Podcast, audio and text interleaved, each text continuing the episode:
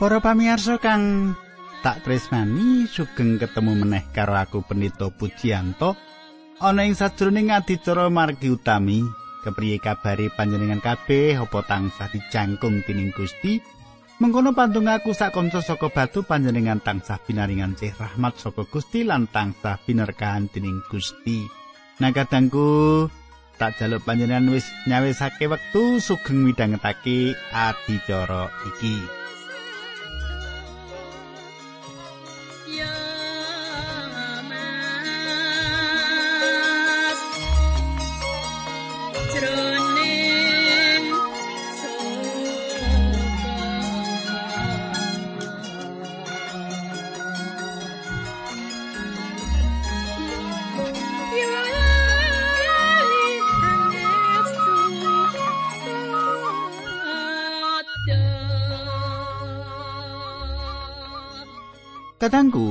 patemon kita kepungkur kita wis sinau kepiye Gusti njangkung umat kagungane ing ora samun kanthi nyawisake mana kanggo umate mau.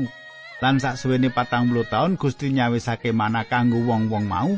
Banjur kepiye terus dilakon iki kita bakal sinau ing dina iki nanging sadurunge panjenengan tak derekake ndedonga nanging aku bakal ngaturake salam dhisik marang Bapak Supangat. Wah, kidung-kidungi. rohani. Sae sanget Pak Pangat. Matur nuwun sanget lan sampun kula catet wonten komputer kula. Nggih nah muga-muga Pak Pangat bebarengan karo kita katangku ayo kita ndedonga dhisik. Duh Kanjeng Rama ing swarga kawula ngaturaken kuing panuwun menawi wekdal menika kawula saged tetunggilan kalian sederek-sederek kawula ingkang setya tuhu midhangetaken adicara menika. Kawula pasrahaken wonten ing asta patuko lan kawula nyuwun supados Gusti nuntuni kawula kanthi makaten menapa ingkang kawula andharaken menika saged dados berkah dening tiyang kathah. Dinambaran asmanipun Gusti Yesus Kristus kawula netunggal. Haleluya. Amin.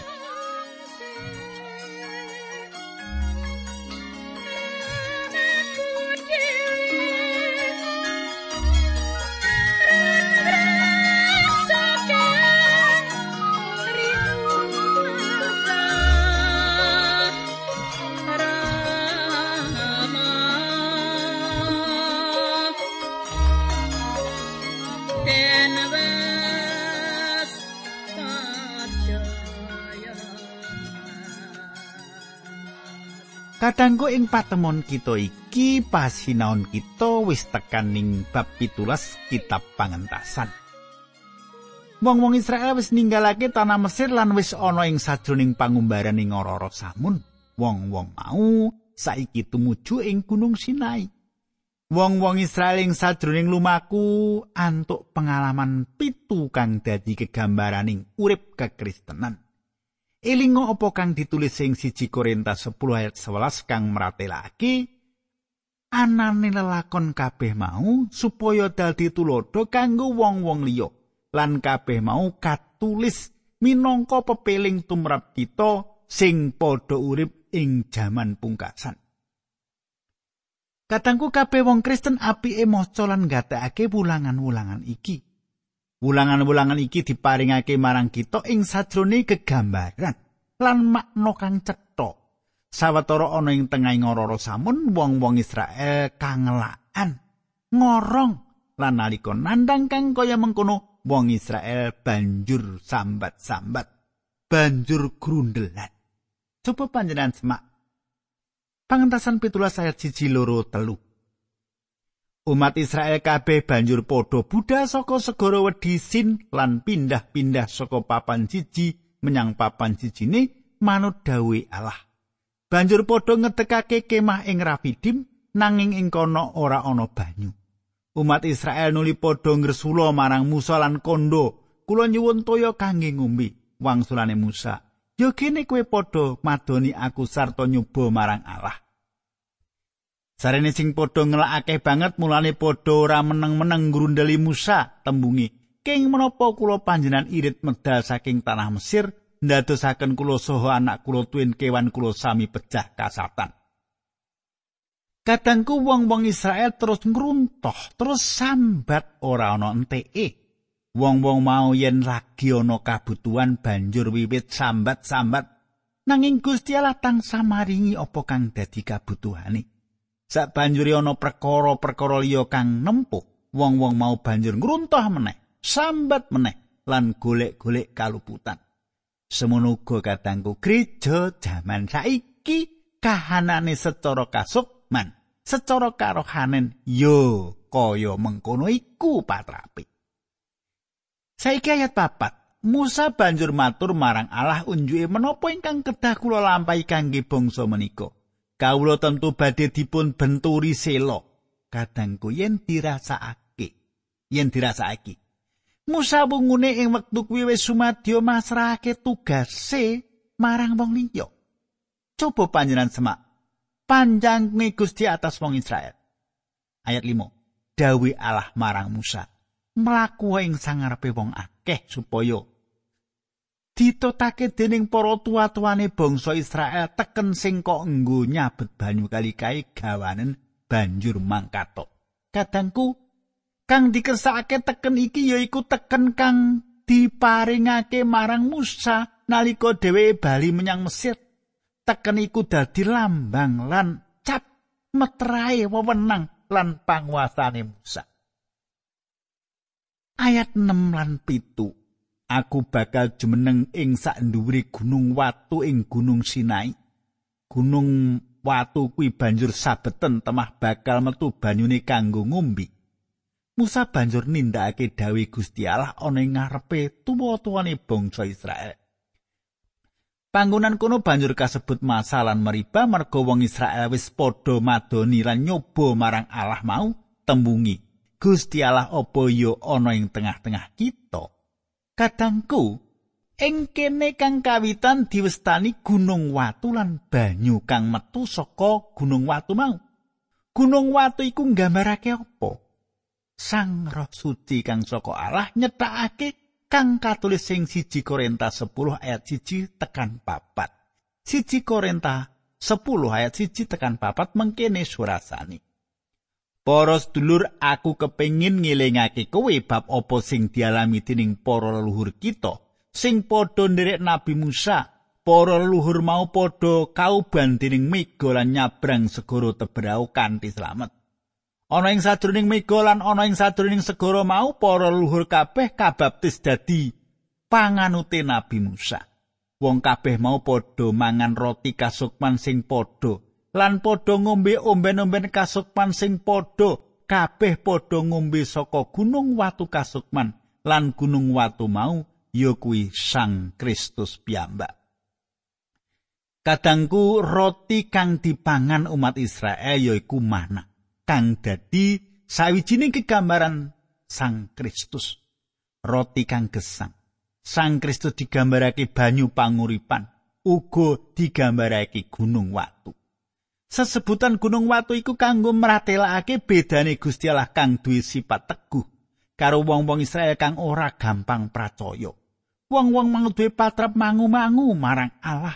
Bangsa Israel sumindi marang lamate monggolan pringkang wis pepes.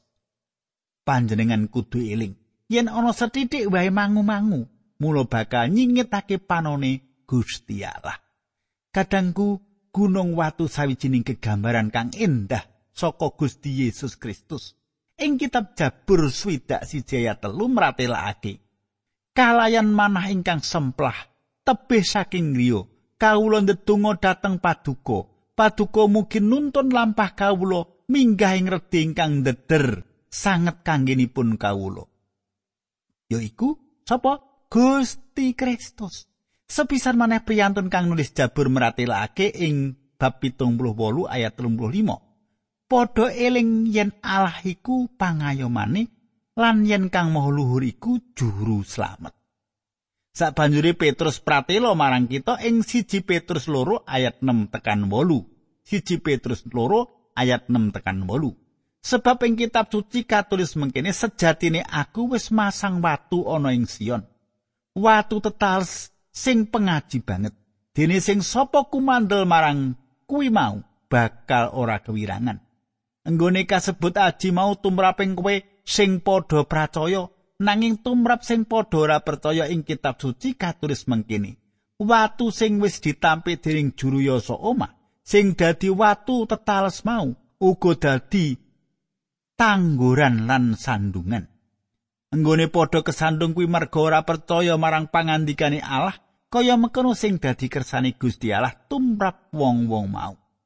Kadangku lan ing pungkasan Rasul Paulus meratelake marang kita sawijining pitutur kang katulis sing siji Korinta 3 ayat 11. Sebab Gusti Allah piyambak wis nemtokake yen mung Gusti Yesus Kristus sing dadi pondasine gedung mau. Kadangku panjenengan ora bakal antuk setetes banyu saka gunung watu. Panjenengan bisa muji mutulan kuwate gunung watu kang pancen atose kaya waja. Ana wulangan-wulangan gedhe kang bisa kita sinau saka perkara iki. Panjenengan bisa nguji lan uga bisa naliti nanging panjenengan ora bisa nyecep. Gusti Yesus iku gunung watu. Nanging gesang lan panguasane kang indah ora bakal nyelametake panjenengane. Wulangane Gusti Yesus ora bakal nebus nyawa panjenengan. Trap-trapan kang diwulange Gusti Yesus bakal agawe panjenengan gilap sawetara. Nanging panjenengane ora owah gingsir tetep dadi gunung watu. Sinadan panjenengan jumangkah menyang ngendi wae? Kadangku panjenengan bisa wae nibakake awak.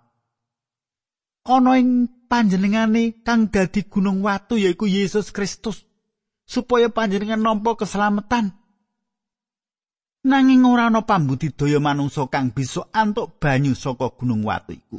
Mung nalika disabet mengkono, gunung watu bakal ngentokake banyu kang ndadekake panguripan.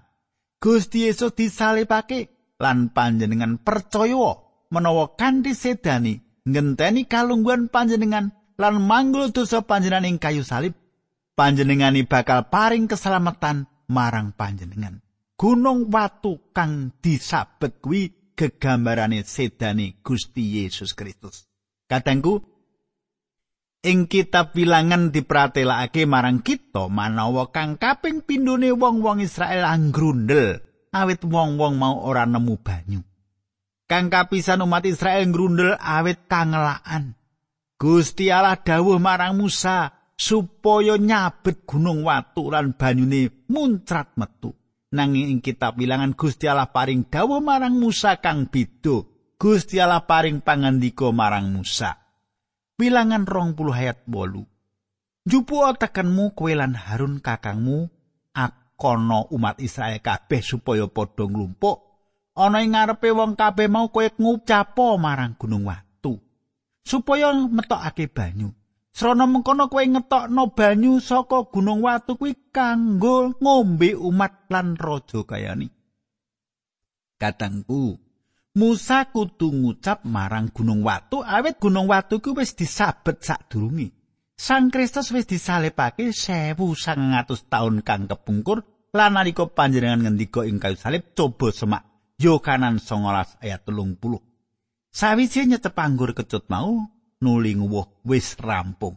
Mestakane banjur tumungkul lan sedo. Kadangku, Sang Kristus ora perlu disalibake maneh. Gusti Allah wis kepareng karo apa kang wis ditindakake kanggo panjenengan. Pitakone yaiku apa panjenengan wis lega kanthi pakaryane Sang Kristus kanggo panjenengan ing kayu salib. Apa panjenengan wis marem kanthi pakarani Sang Kristus kanggo panjenengan ing kayu salib? Panjenengane sedok kanggo paring keselamatan marang panjenengan kang disuwun Gusti Allah yaiku panjenengan kersa pracaya marang putrane iku yaiku Gusti Yesus Kristus. Kadangku saka gunung watu iku yaiku Gusti Yesus Kristus bakal tumurun berkah kasukman. Banyu berkah bakal mancur kanggo nglegakake lambe kang garing. Coba panjenengan semak Efesus 1 ayat 3. Pinujio Gusti Allah sing jumeneng dadi ramane Gusti kita Yesus Kristus awit ana ing patunggilane Sang Kristus panjenengane wis berkahi kita srana sakaing ganjaran kasukman saka ing swarga. Kadangku, gunung watu kuwi disabet mung sepisan lan saka njeron gunung watu metu banyune kang luber-luber. Atu ing banyu iku wis cemawis mumpal-mumpal. Jagat ora kuwawa nadai. Nanging kejaba kuwi akeh wong lan ilat kang dadi garing. Yutan wong kang sekarat ngelak kepengin ngombe omben kasukman salurane kesumpetan kapambengan ing mangu-mangu kirut ing dosa lan kabuang dening patrap kang masa bodoh salurane uga kaalangan dening wong kang ngaku tepung karo Sang Kristus Yesus nang sejatine wong mau ora tepung babar pisan. Kadangku aku arep takon karo panjenengan secara pribadi lan secara mligi mirunggan. Apa panjenengan wis marang Gunung Watu iku supaya panjenengan entuk banyu panguripan? Gusti Allah paring pangandikan marang panjenengan ngombe banyu iku. Panjenengan ora bakal ngelak maneh. Ing sadroning pangumbaran ing ora samun bangsa Israel ketemu karo bangsa Amalek. Kang dadi gegambaran sifat kedagingan. Pengalaman iki sawijining piwulang kang bakal kita sinau kanthi becik. Pangentasan pitulas ayat wolu. Nalika semono tentara Amalek ngluruk merangi wong Israel ana ing Rafidim. Kadangku bangsa Amalek yaiku tedak trune Esau lan bangsa Amalek wis dadi mungsuh tumrap bangsa Israel. Wong Amalek ora tau kendhat mungsuhi bangsa Israel lan nalika semono kang kaping sepisan bangsa Israel perang karo bangsa Amalek. Ayat songo Musa banjur dawuh marang Yosua, "Aku pilihno wong kanggo metokake perang nglawan wong Amalek. Sesuk aku arep ngadeg ing dhuwur puntuk karo nggawa tekene Allah." Yosua nglakoni dawuh Musa maju perang nglawan wong Amalek dene Musa Harun lan Hur padha munggah ing puntuk. Kadangku, eso sawijining kegambaran saka sifat kedagingan. Kaya diri bangsa Israel ora bisa merantasi Amalek nganggo kekuatane dhewe, panjenengan uga ora bisa merantasi sifat kedagingan kanthi pambudidaya panjenengan dhewe. Sifat kedagingan perang karo kang asipat kasukman lan kang asipat kasukman perang lumawan kang asipat kedagingan. Paulus mbabarake ana ing layang Galatia 5 ayat 17. Awit karping daging kuwi sulaya karo kersane Sang Roh Suci. Lan kersane Sang Roh Suci kuwi cengkah karo kareping daging, sekarone mau padha memungsuan, mulane kowe aja tumindak manut karepmu dhewe. Kadangku, iki sawijining kegambaran kang bisa kasinau awit saka pangumbaran ing ora samun yaiku peperangane antarane bangsa Israel lan wong Amalek. Saiki ayat 11 nganti 12. Angger Musa nggone ngangkat astane dhuwur wong Israel perangi menang. Nanging yen astane mandap wong Amalek sing menang. Suwe-suwe astane Musa keju, mulane banjur dijupukake watu kanggo lenggah. Harun lan Hur padha nyangga astane Musa nganti surup. Kadangku menawa kateliti, sejatine perangi wong Israel lan wong Amalek iku ana puncaking gunung. Peperangan iku ditindakake kalawan dedonga. Anggone wong Israel bisa menang ora awit saka prigele wong Israel anggone perang. Awit wong Israel dudu para prajurit kang wis duwe pengalaman lan bisa mapanake awake ana ing peperangan. Peperangan kuwi kang menang yaiku Musa. Nalika Musa wis ora duwe kekuatan ngangkat tangane loro, wong-wong Israel perangi wiwit kaseser. Menawa ora awit saka Musa, mula wong Israel bakal bisa dikalahake ing peperangan mau. Perkara kang penting kang perlu dadi pangiling-iling kita yaiku mung Sang Roh Suci wae kang bisa paring menang atas sifat-sifat daging. Kamenangan iku bisa ditampa nalika wong percaya lan urip ana ing sajroning Sang Roh. Nalika panjenengan lan aku sak kepenake dhewe uwal saka panguasane Sang Roh Suci, mula Amalek utawa watek kedagingan bakal menang kanthi gampang. Panjenengan lan aku ora kuwowo ngalahake sifat kedagingan mung sang roh Allah kang bisa ngalahake. Ayat telulas lan 14. Kaya mengkono wong Amalek anggone padha ditumpes dening Yosua nganggo landeping pedang. Gusti Allah banjur ngendika marang Musa, lelakon iki kabeh tulisen supaya dadi pangiling-iling kandakno marang Yosua yen wong Amalek bakal ndak sirnakake babar pisat. Kadangku wis titimangsane supaya mandek lan nimbang wong kang jeneng Yosua iki. Yosua yaiku wong kang genteni Musa, kita bisa nyemak sejatine dhewe wis disiapake supaya genteni kalungguhane Musa. Yosua iku wong lumrah nanging Allah wis nyawisake dheweke supaya ngenteni tugas gedhe kang wis gumelaring ngarepe. Allah paring dawuh marang Musa supaya kondo marang Yosua manawa bangsa Amalek kudu disirnakake. Kadangku, saiki Allah bakal nyingkirake sifat kedagingan. Syukur marang Allah atas sekabeh iki. Nalika Gusti nuntun pasamuan kagungane menyang ing kasuwargan, panjenengane bakal paring salin rupa marang pasamani panjenengan semak ing siji Korinta 15 ayat 52 awit semongso slompret mau muni wong mati bakal padha katangekake nganggo kahanan sing langgeng lan kita kabeh bakal padha malih kadangku menawa Gusti nuntun pasamuane menyang kasuwargan kaya kahanane saiki tanpa malih swarga bakal padha karo bumi kang lawas iki awit kita bakal ngrusak papan iku kanthi sifat lawas kita. Aku saksuwene iki tansah nyeret sifat lawasku kaya mayit mataun-taun.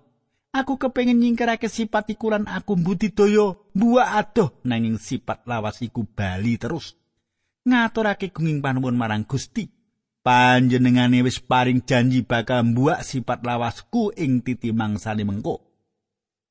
Wong-wong kang dadi kagungane Sang Kristus sing sawijining dina besok bakal salin rupa lan tiyasa selaras supaya bisa manggon ana ing kaswargan.